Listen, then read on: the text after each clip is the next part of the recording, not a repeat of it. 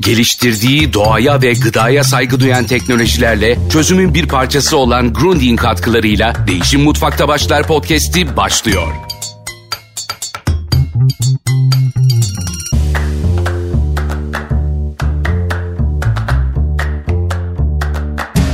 Merhaba, ben Elif Ergu.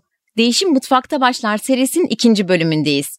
Mutfak Sanatları Akademisi ve Grundig işbirliğiyle gerçekleştirdiğimiz yemeği, gıdayı daha iyi tanımak, akıllı tüketmek ve akıllı yeni teknolojileri kullanarak dünyaya daha iyi bir gelecek bırakmanın mümkün olduğuna inanıyoruz. Yemeği ve gıdayı daha akıllı tanımak deyince de aslında çok geniş bir alandan bahsediyoruz. Bugün burada Amerikan Hastanesi Fonksiyonel Tıp Bölümü Başkanı Doktor İrem Ergün ve Mutfak Sanatları Akademisi yönetici ortağı Sitare Baras var. Hoş geldiniz. Hoş bulduk. Hoş bulduk. Sevgili İrem senle başlamak istiyorum. Öncelikle e, evet fonksiyonel tıp e, hepimizin çok merak ettiği, benim de e, uzun zamandan beri takip ettiğim, kendimi değiştirmeye çalıştığım alanda aslında konuşacağız. Onun için de söylediklerini çok merak ediyorum. Ama öncelikle şunu da sana sormak istiyorum. Sen de ilk önce kendini değiştirerek işe başladın. Kendi yolculuğunu bize anlatır mısın? Evet, fonksiyonel tıpla tanışmam, e, tamamlayıcı tıpla ilgilenmemle başladı ama kendi rahatsızlıklarımın çözümünde özellikle fonksiyonel tıp büyük değişim yarattı. 2016'da fonksiyonel tıpla tanıştım. E, önce Cleveland'da Dr. Mark Hyman'la birlikte çalışma imkanım oldu. Bu süre benim için inanılmaz bir değişimi başlattı. Önce kendim fonksiyonel beslenme ve fonksiyonel yaşam değişikliklerini kendimde uygulamakla başladı.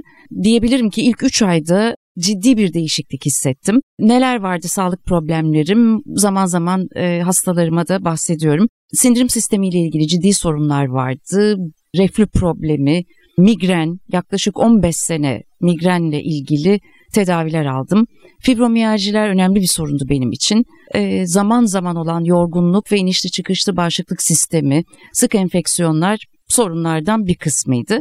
Beslenme, uyku, fiziksel aktivitem, stresle ilgili çalışmalarım e, ve ilişkiler e, açıkçası büyük değişim yarattı ve Cleveland'daki bu tecrübe ve kendimdeki değişimlerden sonra e, fonksiyonel tip benim bundan sonra yapmak istediğim alan dedim ve bu şekilde yolculuk başladı.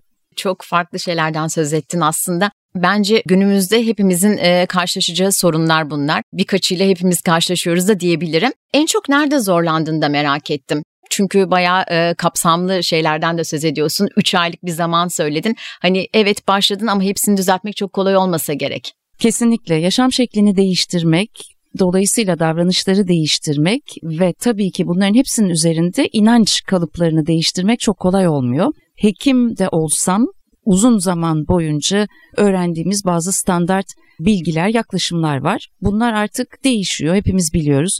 Pek çok yeni bilimsel çalışma yapıyor, yapılıyor. Beslenme, e, fiziksel aktivitenin önemi, uyku ile ilgili alışkanlıkların değişmesi, sirkadyen ritmin hayatımıza girmesi, pek çok yeni bilgi ve çalışma var. Dolayısıyla bunların hepsini birden değiştirmek, yenilemek çok kolay olmuyor.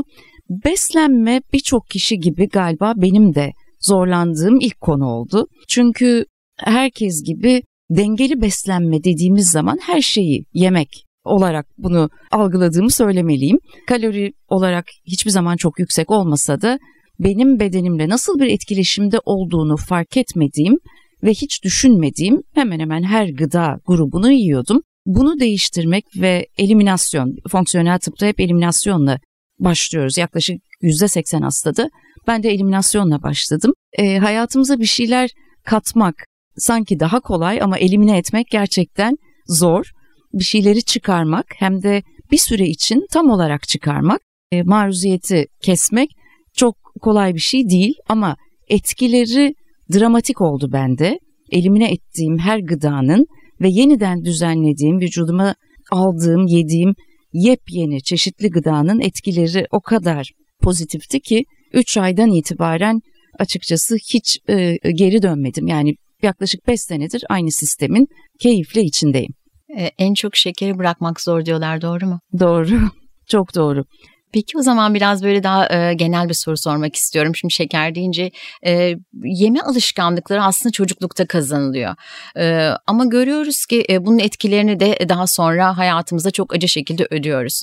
E, yanlış beslenme alışkanlıklarının. Ama şu da var. E, şimdi seni de dinleyince ve bu fonksiyonel tıpla ilgili e, verileri de okuyunca aslında sonradan değişmek de mümkün ve e, telafisi de mümkün olabiliyor. Bu örnekler çok fazla. Beden kendini toparlayabiliyor. Doğru beslenildiğinde de belli bir süre sonra sonuçlar alınabiliyor. Doğru söylüyorum değil mi bunları? Ee, Kesinlikle. Peki o zaman burada e, sözü Sitare'ye de vermek istiyorum. Yeniden e, sevgili İrem sana döneceğim. Sitare bu noktada Mutfak Sanatları Akademisi'nde siz çok farklı çalışmalar yapıyorsunuz. Evet gençleri yemek ile ilgili birçok insanı eğitiyorsunuz. Sonra onlar restoranlarda, otellerde çalışıyorlar. Kimisi yalnızca evinde daha doğru sağlıklı yemekler yapmak istiyor. Ama bir de çocuklar var. Onlar da sizin ilgi alanınıza giriyorlar mı? Senin bunca yıllık gözlemlerin neler? Çocuklar girmez olur mu? Hem de çok e, giriyor. Çok e, tutkuyla takip ettiğimiz bir konu oldu. Çocuklara gıda bilgisini vermek konusu. Çünkü 17 senedir MSA'dayız ve 5 e, yaştan itibaren çocuklara 17 yaşına kadar farklı mutfak workshopları veriyoruz. Çok eksik olduğunu gözlemledik her şeyin başında. Yani gıda bilgisinin çok eksik olduğu bir yeni jenerasyon yetişiyor.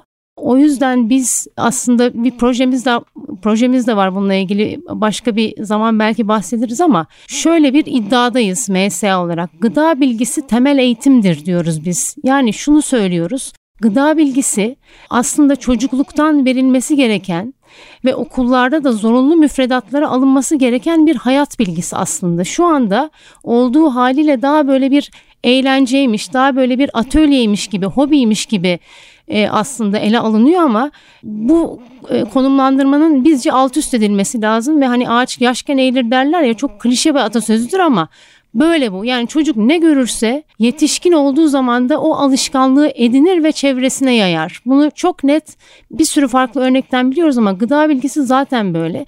Yani oradaki fikri ve bunun konumlandırmasını alt üst edip e, farklı bir noktaya getirmek gerekiyor. Hem anne baba gözünde hem e, eğitimciler gözünde, okullar gözünde çocuk çünkü evden çok bazen okulda geçiriyor zamanı. Arkadaş gruplarıyla etkileşiyor vesaire. Dolayısıyla hem evde hem ev dışında olan bütün hayatında çocuk yaştan itibaren e, bunun bir olmazsa olmaz hayat bilgisi olarak konumlandırılması ve çocuğa seviye seviye belki de liseden mezun olana kadar ondan sonra hayata atılıyor çünkü üniversiteye evinin dışına da giden var e, verilmesi gerekiyor. Böyle düşünüyoruz. Çok takipçisiyiz bu işin. Hatta MSA'daki workshoplarda da artık eğlence tarafı yetişkin workshoplarında da ağır basmıyor. Çok daha talepkar bir katılımcıyla karşılaştık pandemi sonrası.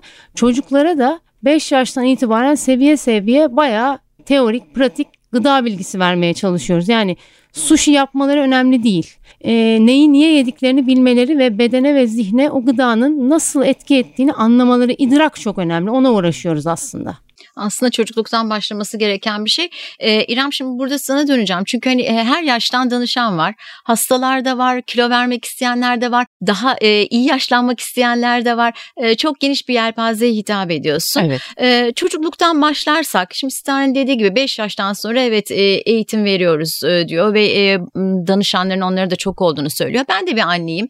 E, benim kızım şu anda ergen. En kolayı 0-4 yaştı çünkü tamamıyla benim kontrolümdeydi. Ama sonra anaokulu anaokulu dönemi, ilkokul e, ve ergenlik çok daha başka e, senin de e, çok iyi tecrübe ettiğin gibi nereden başlamak gerekiyor çocuklarla ilgili durumda? Çünkü zaten aslında baktığımızda yetişkinler tam doğru gıdayı veya işte yedikleri gıdaların kendilerine nasıl iyi geleceğini bilmeden beslendikleri bir ortamda çocuklarla başlarsak e, en çok neye dikkat etmemiz gerekiyor ve çocuklar ailelerin ortamından çıktıklarında çevreye e, katıldıklarında işte okulda sosyalleştiklerinde veya spor yaparken veya bir sanatla ilgilenirken yani çevrede e, etkilendikleri noktada onlara doğru gıdayı nasıl tanıtabiliriz? Nelerle karşılaşıyorsun?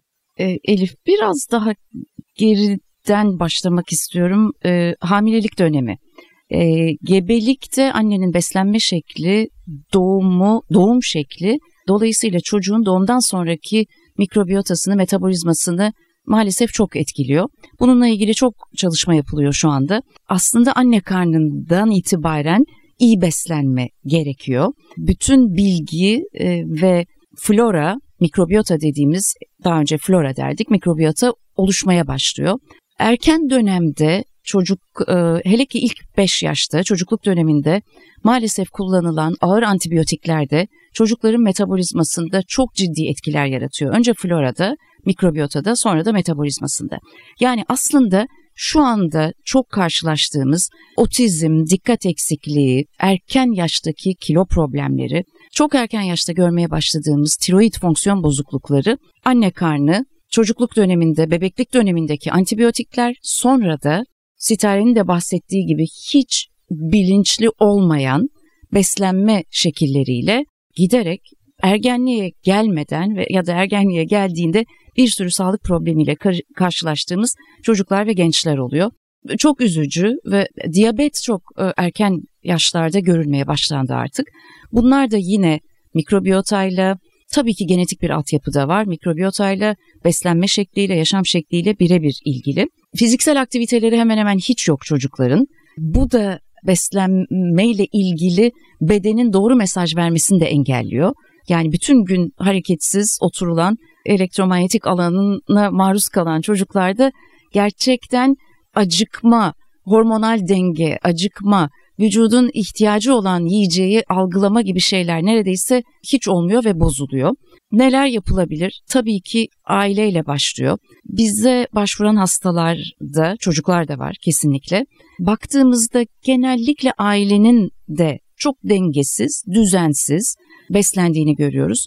Çok iyi beslendiğini zanneden ailelerde bile bir sürü kronik hastalıklara, alerjilere rastlıyoruz. Dolayısıyla henüz kendisi için bile farkındalığı olmayan anne babanın çocuğa yemekle, beslenmeyle ilgili bir farkındalık yaratması zor oluyor. Bazen de çok bu konuda takıntılı ailelerde bunu da bunu da görüyorum son zamanlarda. Anne de baba da spor konusunda, yemek konusunda, glutensiz beslenmeler, aralıklı o oruçlar o kadar e, takıntılı bir şekilde gidiyor ki bu da özellikle ergenlik dönemindeki hastalarımızda ya da çocuklarda tepki yaratabiliyor. Benim kızım da bunlardan bir tanesi. Bu sefer burada tabii psikoloji devreye giriyor. Her şeyi deneyimlemek için e, deneyimlendiği yaşta ergenlik keşiflerin yaşı, deneyimler, yeni yeni deneyimler kendini tanıyor. Burada sürekli bir baskı beslenmeyle ilgili ya da e, uykusuyla ilgili, davranışlarıyla ilgili bazen senin de daha önceki sohbetimizde bahsettiğin gibi aile çok sağlıklı e, ya da çok dikkatli olsa da çocukta tam tersi davranış paterni olabiliyor.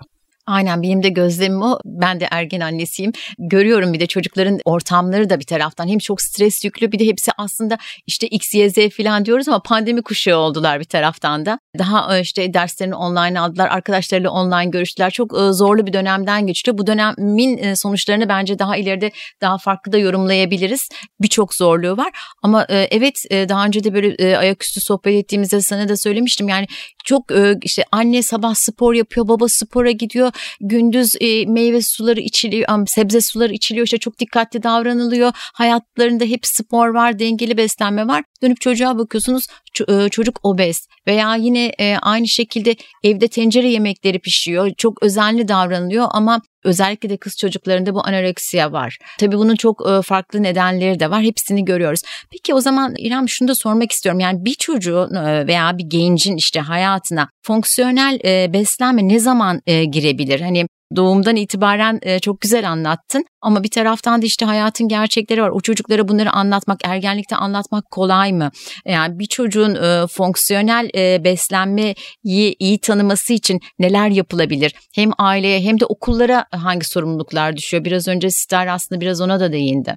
Evet, Starry'nin e, projesi ve söylediğine çok katılıyorum ilkokul çağıyla birlikte sorunlar başlıyor. Çünkü dış dünyaya açılıp çevresel faktörler devreye giriyor ve okullar bu konuda açıkçası çok çok standart ve eski bilgilerle devam ediyor hala.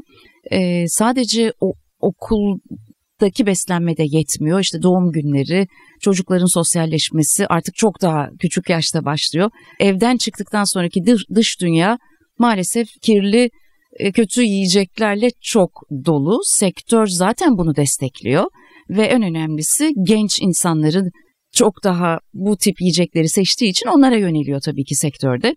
Her yaşta başlayabilir. Bebeklik dönemini geçtiğimiz andan itibaren önce aile bilinçli olacak tabii ki. Evde bunları görmeye ve öğrenmeye başlayacak. Okul okul çok önemli. Sitare'nin söylediği gibi. Burada da bir bilinç yaratılırsa e, ergenlik dönemine kadar sağlıklı gelirse eğer sonrasında da e, mutlaka e, çevresiyle, arkadaş grubuyla ve ailesiyle bunu pekiştirecektir. Yani beslenmeyi değiştirmek ve bunun inanılmaz iyileştirici etkisini görmek her an, her yaşta, herkes için mümkün. Nereden nereden başlanırsa kesinlikle. Yani e, bir, bir yaşı yok ama çocukluktan itibaren çok kötü alışkanlıklar olduysa tabii ki değiştirmek daha zor oluyor izleri oluyor zaten. Hani izleri de oluyor elbette. Biraz önce telafisi mümkün ama tabii o telafi edebilmek için çok fazla daha fazla çabaya ihtiyaç oluyor ve geç olmadan bu çabaların da gösterilmesi gerekiyor. Peki hem sen kendin e, özel hayatında değiştirdiğin için de e, sormak istiyorum. Şimdi bizi dinleyenler de vardır. Ben de bu anlamda aslında kendi sorumu sormak istiyorum sana. Evet ben de fonksiyonel beslenmeye başlamak istiyorum ama nereden başlayacağımızı bilmiyoruz. Yani çoğu insan da bunu bilmiyor nereden başlamamız gerekiyor? Bu yoksa kişiye özel bir bilgi mi? Kronikleşmiş sağlık sorunları varsa alerjiler, kilo problemi, sindirim sorunları, uyku problemleri, kronik ağrılar, kronik yorgunluk. Buralarda başta beslenme olmak üzere yaşam tarzının getirdiği kök nedenler neler? Bütün bunlara sebep olan beslenme şekli ve yaşam şekli yanlışlıkları neler? Bunları tespit etmemiz gerekiyor tabii. Daha komplike vakalarda bir hekimle çalışmak elbette en doğrusu ama daha sağlıklı beslenmek istiyorsak bütün dünyanın da kabul ettiği bitkisel bazlı Akdeniz tipi beslenme her zaman bağışıklık sistemi için, kalp damar hastalıkları için, sindirim sistemi için hep en çok önerilen ve tercih edilen beslenme şekillerinden bir tanesi. Benim e, fonksiyonel beslenmek ya da daha sağlıklı beslenmek için nereden başlayalım diye sorduğun zaman öncelikle şeker diyorum hep. Bütün rahatsızlıkların altında, e, kronik rahatsızlıkların altında insülin direnci ve şekerle ilgili problemler çok net. Hatta Alzheimer'a tip 3 diyabet deniyor şu anda. Yani beyindeki şeker hastalığı deniyor. Bu şekilde e, tanımlanıyor ve çok çalışma var bununla ilgili. Şekeri kesmek en zor olan gibi görünse de her şey kademeli çok daha kalıcı oluyor. Peki hani böyle bazı e, vardır ya e, günler e, sigarayı bırakanlar için de söylenen şey yok 21 gün yok 40 gün filan. Şeker için böyle bir e, gün var mı?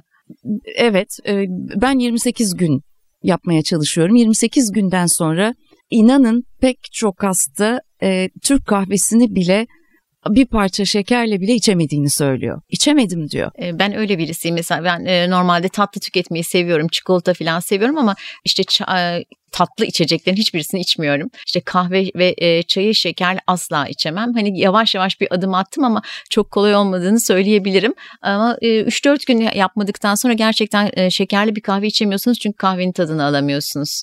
Oluyor kesinlikle. 21 ile 28 gün arasında vücudun hafızası ve şekere verdiği cevap yenileniyor. Dolayısıyla tekrar geri almakta ve aynı miktarda şekeri tüketmekte zorlanıyor birçok hastamız. Bu, bu çok iyi bir şey şeker diyorum. Yani e, ilk sırada şekeri ilk koyduk. sırada şeker. Peki şu var mı? Şimdi böyle işte mutlu olmak için de biraz diyoruz ya bunlara maalesef. Ve şimdi günlük hayatımıza baktığımızda zaten işte Türkiye'nin gerçekleri ortada. E, dünyadaki sıkıntılar, işte iklim krizi, işte çocuklarımızın geleceği ne olacak? İşte ülkede enflasyon. Bir, bir yani saymakla bitmez aslında sor, e, sorunlar. Hiç onlara girmeyeyim. Ama e, günlük sıkıntılardan, stresten de kendimizi yemeğe veriyoruz.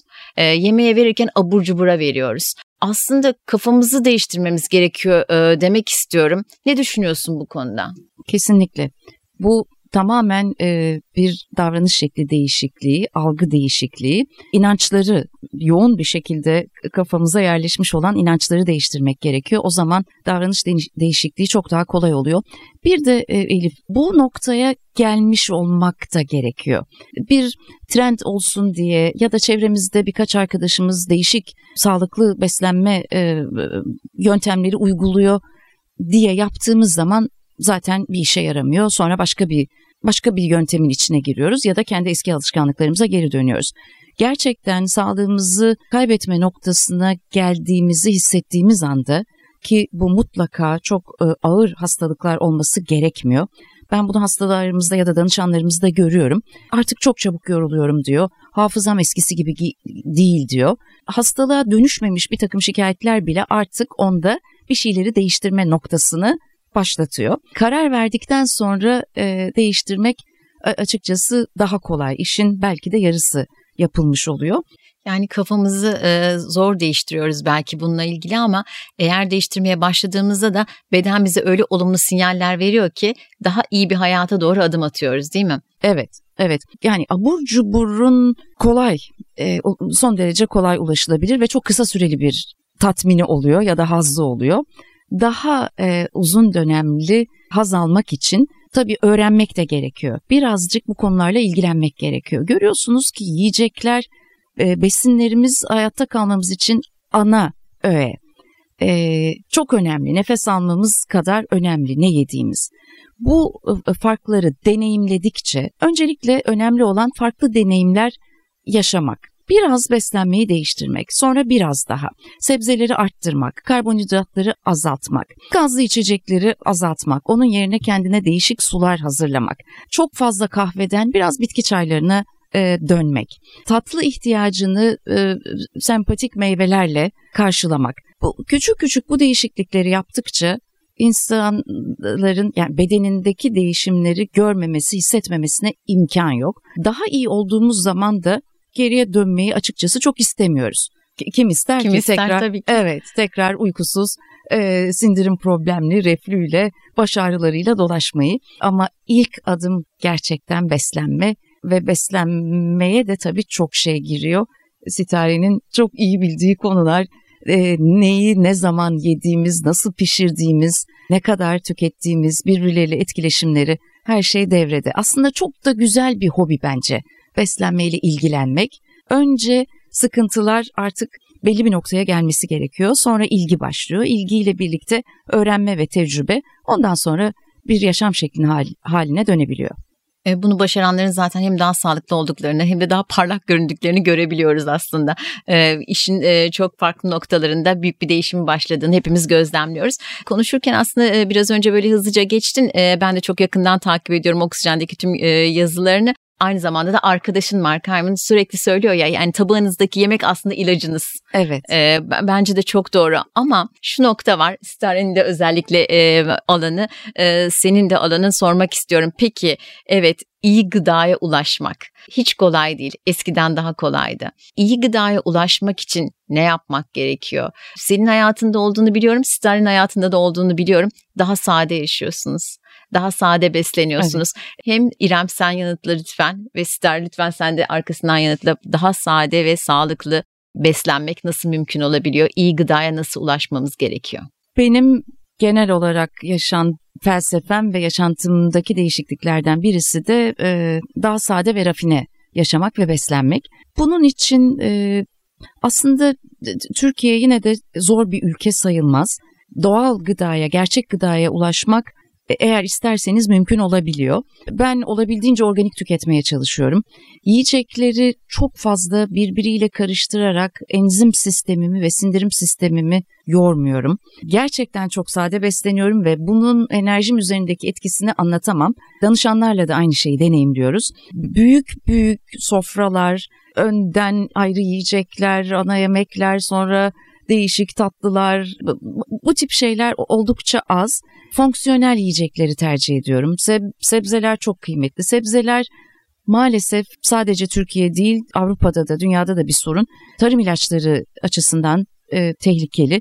Onları iyi araştırmak gerekiyor. Gerçekten tarım ilaçlarına ve kimyasallara en az maruz kalmış meyve ve sebzeleri tercih etmek gerekiyor.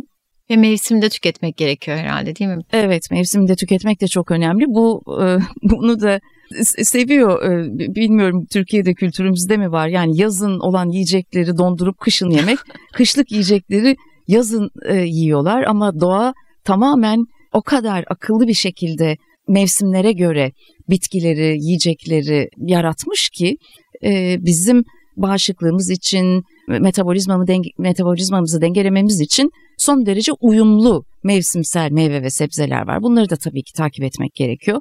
Çok bazen zor gibi görünüyor. Ee, hiç eğer bu, bu tarafta bir yaklaşımınız yoksa zor gelebiliyor. Ama başladıktan sonra çok da keyifli. Alışverişi herkese kendisinin yapmasını genellikle öneriyorum. Çünkü bedeniniz, ruhunuz e, hangi ihtiyaca, hangi renklere, hangi minerallere ihtiyaç var onu söylüyor. Uzun zamandır yemediğiniz bir sebze orada duruyor. Bundan alıp yapsam ne kadar iyi olur diyorsunuz ve çok da çok da iyi geliyor. Dolayısıyla e, yiyecekler evet ilaç aynı zamanda da bilgi. Çeşitliliği arttırmak çok çok önemli.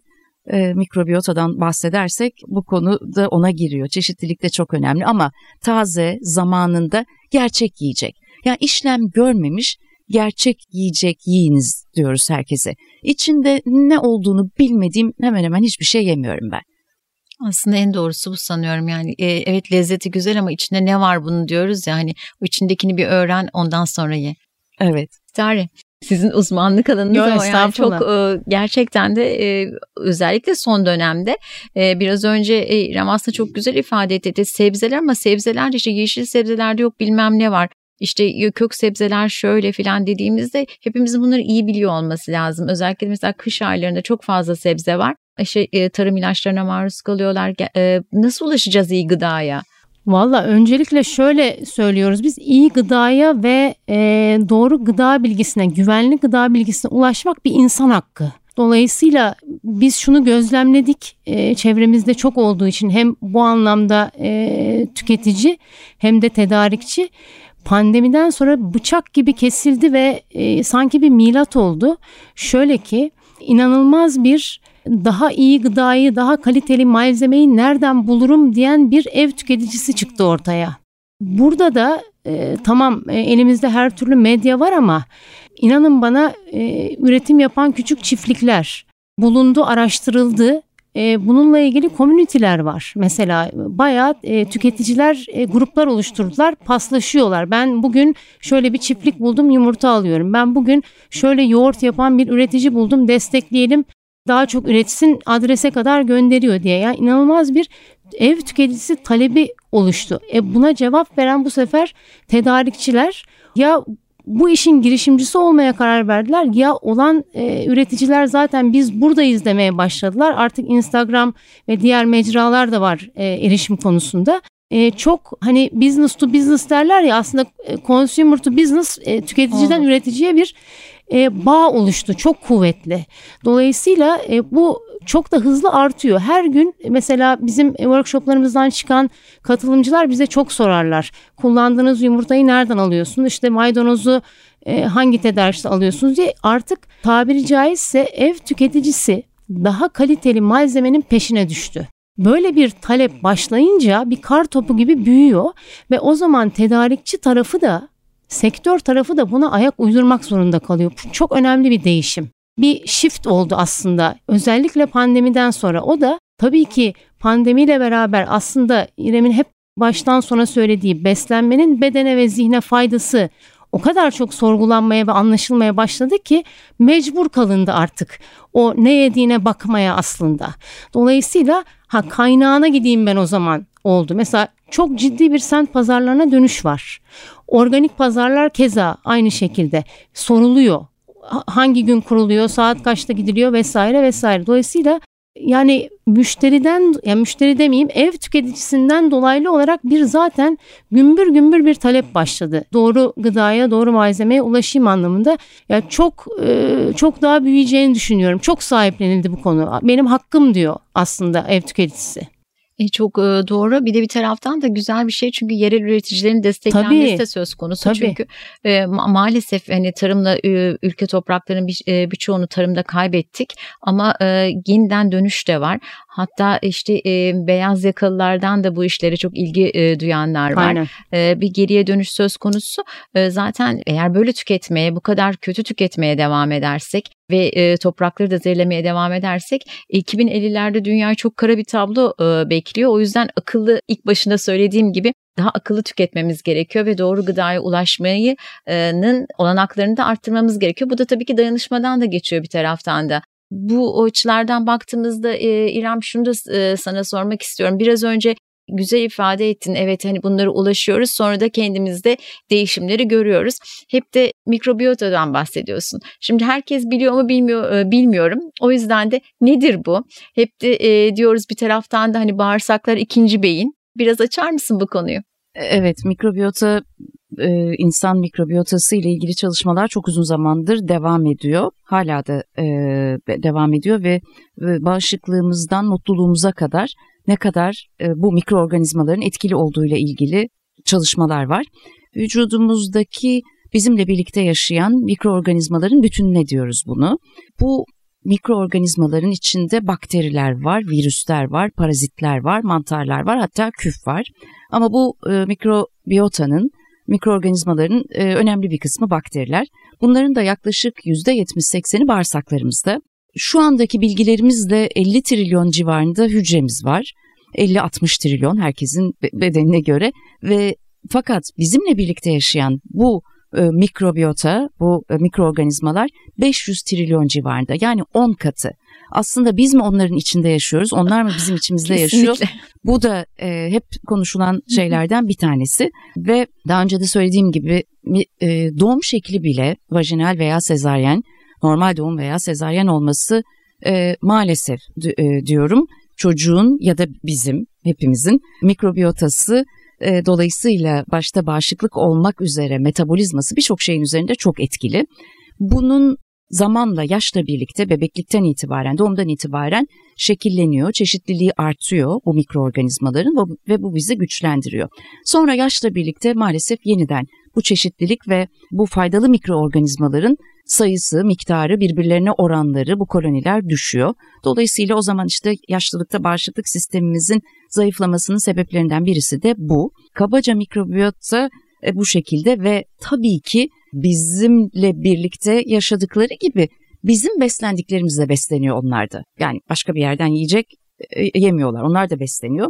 Dolayısıyla yine yine beslenmenin ve yediklerimizin e, bu çok önemli kolonilerde, florada, e, mikroorganizmalar üzerinde çok önemli etkisi var. Bunları ne kadar iyi huylu dediğimiz bize faydalı olan bakteri gruplarını beslersek yine yiyeceklerle ki bunlara prebiyotikler diyoruz. Prebiyotikten zengin beslenmek çok kıymetli davranış şeklinden bir tanesi ya da probiyotikler maalesef devreye giriyor. Eğer yoğun antibiyotik kullandıysak, ciddi enfeksiyonlar geçirdiysek e, sonrasında bu mikrobiyotamızı yeniden dengelemek için e, probiyotiklerden de faydalanıyoruz. Ama her zaman sağlam, kalıcı, dost bir yaşam, dost bir mikrobiyota istiyorsak inişli çıkışlı olmayan o e, düzenli, dengeli, sağlıklı, renkli, bol çeşitli beslenmek gerekiyor. Ee, çok güzel özetledin. Aslında biraz önce söylediğin e, şeyle de çok e, kafamda bambaşka bir şey oluştu şu anda anlattıklarında. Çünkü hem sade hem renkli diyebiliyoruz bu beslenme şeklini değil mi? Evet. Ee, çok güzel. Yani aslında burada büyük bir zenginlik var. İçimize döndüğümüzde o zenginliği bize sağlıkla yaşatabiliyor çünkü. Çok değerli buldum bütün bu söylediklerini şu var bunu böyle konuşuyoruz çok geniş bir konu olduğu için de aslında bir taraftan içselleştirmek de çok kolay değil değiştirmek çok kolay değil ama adım adım değişmek mümkün ve bunun izlerini taşımak mümkün ama kafamız çok karışıyor. Benim de karışıyor. Neden? E, çünkü böyle işte e, bakıyoruz bir uzman çıkıyor farklı bir şey söylüyor. Bir beslenme uzmanı çok daha farklı söylüyor. Veya çevremizdeki arkadaşlarımız diyor ki işte ben aralıklı beslendim. 14-16 e, saat aralıklarla beslendim. Şu sonuçları aldım.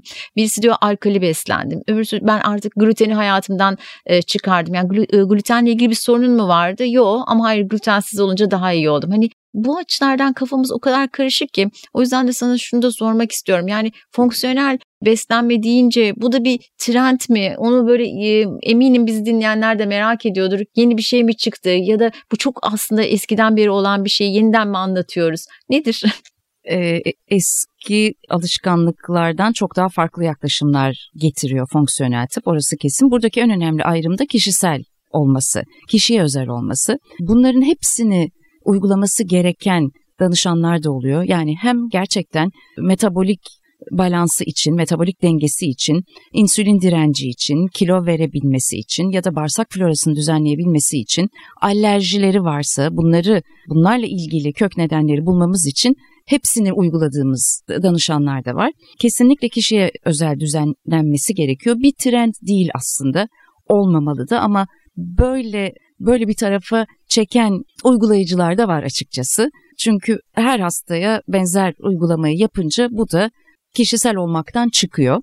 E, gluten büyük bir ne diyelim soru işareti değil aslında çok çalışma yapılıyor. Benim glutenle ilgili vurgulamak istediğim şey gluten içeren yiyeceklerin maalesef çok fazla e, yüksek karbonhidrat, yüksek glisemik indeks ve yanında tabii yağ da var. Yani düşünün glutenli bir pizza, makarna, bütün pastane ürünleri, insanların ilgisini çeken gluten her şey, kremalar falan derken inanılmaz ağır hale geliyor o yiyecekler. Gluteninden, glutenden uzaklaşmaya çalıştığınızda glutenle birlikte gelen yan ürünlerde o e, katı yağlar, e, kötü peynirler çok üzgünüm kötü peynirler e, ve şeker tabii Nasıl ki. anlayacağız kötü peynir olduğunu? Peynirciler kızmasın şimdi bana. Açıkçası e, peynir yani süt ürünleri genel olarak görüyoruz ki çalışmalarla da insan vücudunun çok zorlandığı ve reaksiyon verdiği, toler edemediği yiyecek gruplarından. Keçi peynirini daha çok tabii ki öneriyoruz. Kimi hastalarda ya da kimi metabolizmalarda e, eskitilmiş peynirler daha çok daha iyi geliyor. Ama bir histaminik reaksiyonu varsa orada e, belki taze peynirleri tercih edebiliyor. İyi peynir ve kötü peynir var tabii ki. Aslında her şeyin var tabii var, ki ama evet, evet. çok tüketildiği için özellikle de sormak istedim. Burada da organik tercih etmekte büyük fayda var. Kaynağı, sütün kaynağı, yapılma şekli, mayası o kadar önemli ki.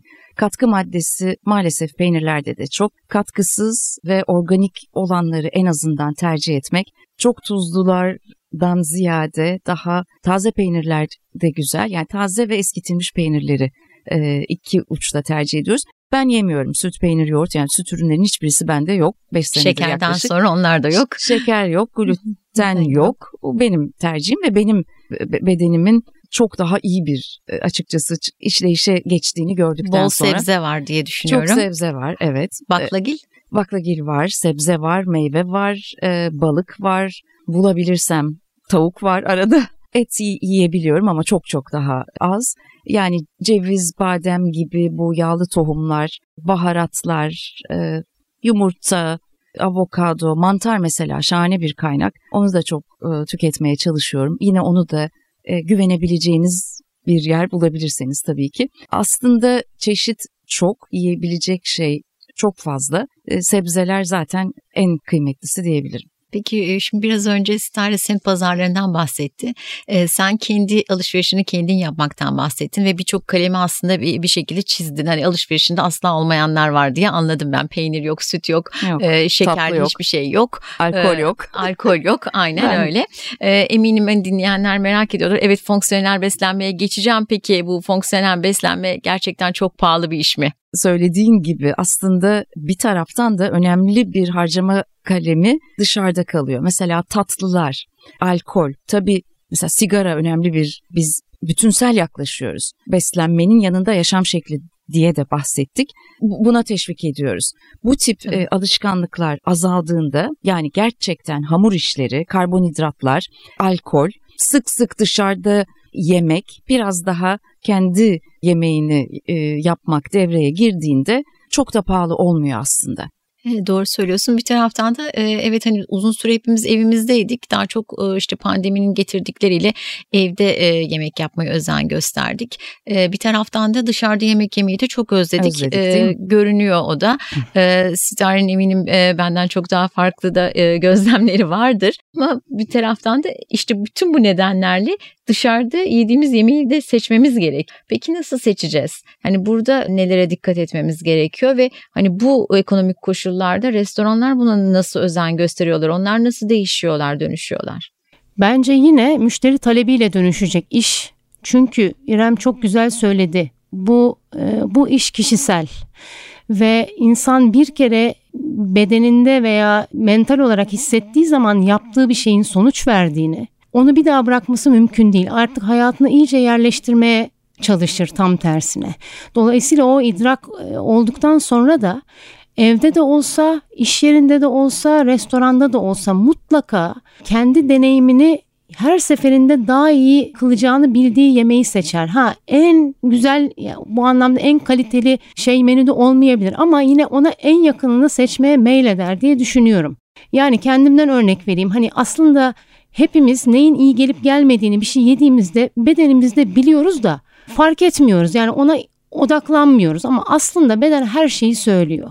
Ben her bulgur yediğimde ki çok severim maalesef davul gibi şişerim. Şimdi bir sonraki bulgur e, seçeneği önüme geldiğimde artık düşünüyorum. Yani ben nasıl bir stare olmayı seçiyorum? Karnı şiş, bütün gününü mutsuz getirecek bir stare mi yoksa e, bulgur yerine başka bir şey tercih edip fıstık gibi bir gün geçirecek stare mi? Ben artık bunu kovalıyorum evet. Çünkü sonucunu biliyorum test ettim, kanıtladım. Dolayısıyla hep iyi hissetmek üzerinden gidiyoruz. Fonksiyonel e, beslenmenin de bence özünde e, birey var. Onun nasıl hissettiği var. Hep e, bir üst ihtimali diyoruz hep. Onu yaşayabilmesi var ki yaşamda da aksın. Dolayısıyla onu idrak ettikten sonra artık evde mi, restoranda mı, okulda iş yerin, mı? okulda mı? E, aynen. E, hele ki çocuklarda bence çok daha çabuk geliyor o idrak bu arada. Dolayısıyla e, şey fark etmeyecek o zaman. Her seferinde daha iyi olanı seçecek kendine. Bu çok önemli. Bir de demin dediğim sebepten pandemi çok ciddi bir e, hepimize böyle küt diye bir şey oldu. Yani bir milat oldu. E, müthiş bir tüketiciden gelen talep var bu yönde zaten. Ben bilmek istiyorum artık ne yediğimi diyen bir e, şey var, e, tüketici var. Hatta artık pişirme tekniklerine kadar kovalayıp bunu sorgulayıp araştıran bilen ve restoranlarda çok farklı sorular soran bir e, tüketici de var artık karşımızda. Bu çok olumlu bir e, bence dalga. Çünkü değişimi yaratacak en büyük kaldıraç diye düşünüyorum ben. Her şeyin bireyden başlaması gerekiyor talep olarak. E, tabii hem e, nasıl e, yani ürünlerin nereden geldiği, Kesinlikle. e, nasıl pişirildiği Aynen. ve daha sonra atıkların da ne olduğunu soran e, Kesinlikle, değil mi? evet. Ve bir Aynen öyle. dönemdeyiz. Hatta biraz önce de idrak dedin çok e, hoşuma gitti. E, gerçekten de öyle çünkü bu gerçekleri idrak etmezsek e, gelecekteki kuşaklara bir şey bırakamayacağımızı hepimiz e, Aynen fark ettik. Peki şu da var herhalde değil mi? İşte çevreye saygılı üretimden bahsediyoruz. İklim krizinin etkilerinin farkında olan, işte atıksız yaşamak isteyen, daha az tüketmeye odaklı ve hatta vegan kuşaklarda geliyor mu? Bunu e, yanıtlar mısın? Nasıl gözlemlerin? Valla geliyor. Şimdi niye biz gıda bilgisini çocuklara çok küçük yaştan vermelidir diyoruz? Her şey zincirleme buna bağlı. İnsan bilmediği bir şeye saygı duyamaz, peşinden gidemez, onu destekleyemez. O yüzden küçük yaşta verilen o e, bilgi ve sorgulama e, hayatın içinde gelişerek, büyüyerek devam ediyor. O yüzden çok önemli olduğunu düşünüyorum. Biz yeni jenerasyona baktığımızda en azından e, hem çevremizdeki çocuklardan, arkadaşlarımızın hem MSA'ya gelen o çocuklardan e, gördüğümüz şu. Şimdi zaten pek çok farklı konudan veya mecradan bu iklim kriziyle çok iç içeler. Ve gıdanın ve gıda sektörünün buna etkisini de çok e, duyuyorlar zaten her yerden. Bir yandan işte hayvan hakları falan gibi konular var. Şu arada çok gündem. Mesela çok çocukta şuna bile rastlıyoruz. Ben veganım diyor. Niye diyoruz? Çünkü hayvanlara çok saygım var diyor. Hayvanlar işte e, bir yemek olarak önümüze gelmemeli vesaire. Yani sadece hayvan hakları sebebiyle bile vegan olan bir çocuk var. Bu çok e, hassas bir aslında duygu. Dolayısıyla ama çok da kuvvetli. Dolayısıyla çocuklar hani ben hep şey diyorum artık anne babalar olarak yetişkinler olarak çocuğa çocuk diye hitap edip bununla yüzleşmeden geçemeyiz. Yani yetişkin gibi artık biraz davranmaya başlamamız gerekiyor. Çünkü bizim zamanımızdaki gibi her şeye kapalı değiller. Tam tersi bir durum var. Her şeyi duyuyorlar, görüyorlar ve istedikleri bütün kanıtları bulabiliyorlar internette ve birbirleriyle iletişimde. Dolayısıyla artık hani göz ardı edemeyiz onların e, bilgisini. Biz onların yaşında öyle değildik. Çok daha kapalıydık her şeye. Dolayısıyla artık onlara biraz hem kulak kabartıp hem çok daha fazla iletişimde bulunmamız gerekiyor. Onların fikirlerini dinlememiz gerekiyor. Yanlış bir şey söyledikleri zaman da hani yanlışsın demeden bence örneklerle biraz yön göstermek gerekiyor. Yani eskisi gibi değil çocuklarla olan ilişkimiz olmamalı bence. Evet, belki de söylediğin o ilk başta söylediğin çok doğru. İşte iklim krizinin etkilerini söylüyoruz ya hep. O işte iklim krizinin etkilerini anlatırken işte hayat bilgisinin içinde Hı. hani bizim e, çocukluğumuzda çok da e, gördüğümüz o hayat bilgisi çok değişti. Evet. Bu doğru beslenme, doğru gıdaya ulaşma ve e, geleceğe de iyi bir e, miras bırakmak için bunların da okullarda e, daha farklı bir şekillerde ders müfredatın içine girmesi gerekiyor diye düşündüm bütün bu sözlerinden. Ya Elif bu konuda iki tane çok güzel örneğim var. Birisi kendimden birisi çok yakın. Hatta dün konuştuğum bir arkadaşımdan niye alt üst edilmeli okullarda bu zorunlu müfredat haline getirilmeli diyoruz. Şöyle e, benim e, arkadaşımın hikayesinde durum şu İsviçre'de doğdu. 4500 kişilik bir köyde aslında okudu. Orta birden itibaren home economics diye hani bir ev ekonomisi diye bir ders vardır. Evet eskilerde. Burada da evet e, burada da e, daha çok kolejlerde falan vardı e, eskiden. Şimdi hala var mı bilmiyorum. Dolayısıyla bana anlattığı şu. Biz orta birden itibaren işte 16 kişilik sınıflardı dedi. Zaten haftanın bir günü o ev ekonomisi dersinde biz bildiğin orta birden itibaren lise sona kadar gıda bilgisi, pişirme, yemek hazırlama, toplama, ekme, biçme bunları zaten zorunlu olarak öğrenirdik dedi. Nasıl bir kurgu vardı e, dedim. E, dedi ki alışveriş listesi bize bir gün önceden verilirdi dedi. O zaman tabii internet falan yok. İşte oranın bakkalından, manavından alırdık listeyi okula götürürdük. Tabii bu e, ürünlerin e, maliyeti okul şeyinin ücretinin içinde. Yani ev e, hane şey de yapmıyor, satın da almıyor ürünleri. Bayağı dersin bir parçası gibi. O ürünlerden sonra konu neyse, yeşilliklerse yeşillikler veya sebze pişirme ise sebze pişirme. O e, hep birlikte sınıfta e, yapılıyor. Dört ayrı mutfağımız vardı bizim dedi. Hatta e, bütün o pişirmeler falan bittikten sonra konu neyse bütün bulaşığı temizliği de biz yapardık dedi dönüşümlü olarak. Şimdi bu müthiş bir şey yani böyle başlayan bir çocuğun zaten artık liseyi bitirip üniversiteye belki bir yurtta yaşayacak çocuk. Belki başka bir şehirde yaşayacak. Kendi kendine yetebilen bir e, yetişkin Birey oluyor, oluyor artık. Tabii. tabii yani dünyanın neresine giderse gitsin. Biz bu yüzden alt üst edilmeli bu konumlandırması gıda bilgisinin diyoruz.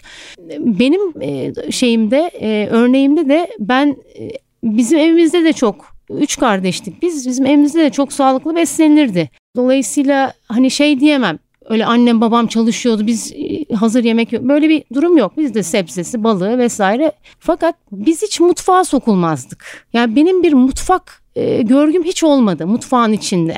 E, sen demin sordun ya peki okulda ol, okulda böyle bir eğitim olsa mutfakta şey evde nasıl devam edecek? Şimdi mutfakta da yine aynı fikir olarak bunun bir temel eğitim olduğu anne baba tarafından da kavranırsa belki çocuk küçük yaştan itibaren o mutfak operasyonun içine sokulabilir. Bir şeyi merak ediyorsa bir şeyin nasıl yapıldığını tabii ki gel öğren burada gel beraber yapalım denebilir. Yani Aa, ben aslında şey diyeyim ya yemek e, yap e, yemek kadar yapmak da haz verir insana. Kesinlikle öyle. Ondan bir özgüven verir tabii e, ki. Yani bir aslında çalışan bireyler de çok uzaklaştı. Tabii bir taraftan ki. da çocuklar aman çocuk okusun işte yok sporunu yapsın yok Aynen sanatla öyle. ilgilensin. Hani kendi yemeğini kendi bir hazırlasın bakalım Kesinlikle. içine neler koyuyor. Biraz önce İrem'in söylediği gibi belki baharatları keşfedecek. Kesinlikle. Belki bazı sebzelerin uyumunu keşfedecek, tadacak, deneyecek. Onlara imkan sağlamak Müthiş Müthiş bir merak ve Tabii. pratik özgüven veriyor. Ben liseyi bitirdiğimde başka bir şehirde üniversiteye gittim Türkiye'de.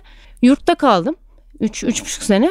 Ya gerçekten orada ne kadar bu konuda bilgisiz olduğumu gördüm ve çok utandım. Yani anneme babama sorduğumu biliyorum. Ya hiç mi e, öğrenmeyecektik biz bu e, gıdayı, nasıl yemek hazırlanacağını. Bizim yurt binasında e, ortak mutfaklar vardı. Çok da e, iyi ekipmanlar vardı. Vallahi ben gıptayla bakıyordum. Kızlar acayip acayip yemekler yani kendi yemeklerini hazırlıyorlardı ya. ya bayağı o konuda hani dünya insanıydı hepsi benim gözümde ama ben bayağı sakat hissettim kendimi. Yani nasıl bilmem dedim ve çok utandım ve ne kadar kötü beslendiğimi o üç buçuk sene size anlatamam. Yani hep hazır yemek yedik o kadar kötüydü ki galeta, beyaz peynir, işte ne bulursak erkek yurdunun Hatta kantini vardı. Yani tost, evet. hamburger. Çünkü yok malzemeyi alsam da bilmiyorum ki nasıl yapacağımı. Çok e, zorlandım ve çok radikal iki örnektir. Hem arkadaşımınki hem benimki. Hatta arkadaşım şöyle bir şey dedi. E, oradan açıldı konu zaten. İstare dedi MSA'da workshop'a katıldım. Yanımda 20-25 yaşlarında bir çift vardı. Ya dedi soğan nasıl kavrulur şefim diye soruyorlardı. Bilmiyorlar mı ya dedi soğanın nasıl kavrulacağını ya da dedim ki bilmiyorlar. Çünkü ben de bilmiyordum o yaşta. Gerçekten yani çocuk o kadar şaşkındı ki. Çünkü kendisi orta bir de almaya başlamış o aslında eğitime, o bilgiyi. Aslında bir de görerek de öğreniliyor. E, tabii. tabii izlemek gerekiyor. E, tabii. Yani o, o işin içine girmesi Mutlaka. gerekiyor. E, ortaya çıkan iki farklı birey ne kadar farklı? Siyah beyaz. Tabii.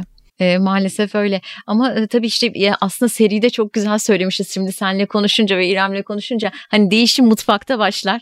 E, gerçekten de öyle yani mutfakta e, geçirdiğiniz zaman o e, aldıklarınız ürünlerinizi saklama biçiminiz, e, kullanmanız, pişirmeniz e, kendinizi de değiştiriyor. E, gerçekten de e, şimdi e, ne kadar doğru bir iş yaptığımızı düşündüm bütün anlattıklarınızdan şunu sormak istiyorum böyle bütün bu sohbetin de sonuna doğru geliyoruz. Hep böyle yemekte mutluluk veriyor ya o haz duygusuna da hasretiz. Çünkü gerçekten de hepimizin hayatlarında zorluklar var. Şöyle arkadaşlarımızla bir yere gittiğimizde güzel bir şeyler yiyelim. Evimizde güzel bir sofra hazırlayalım.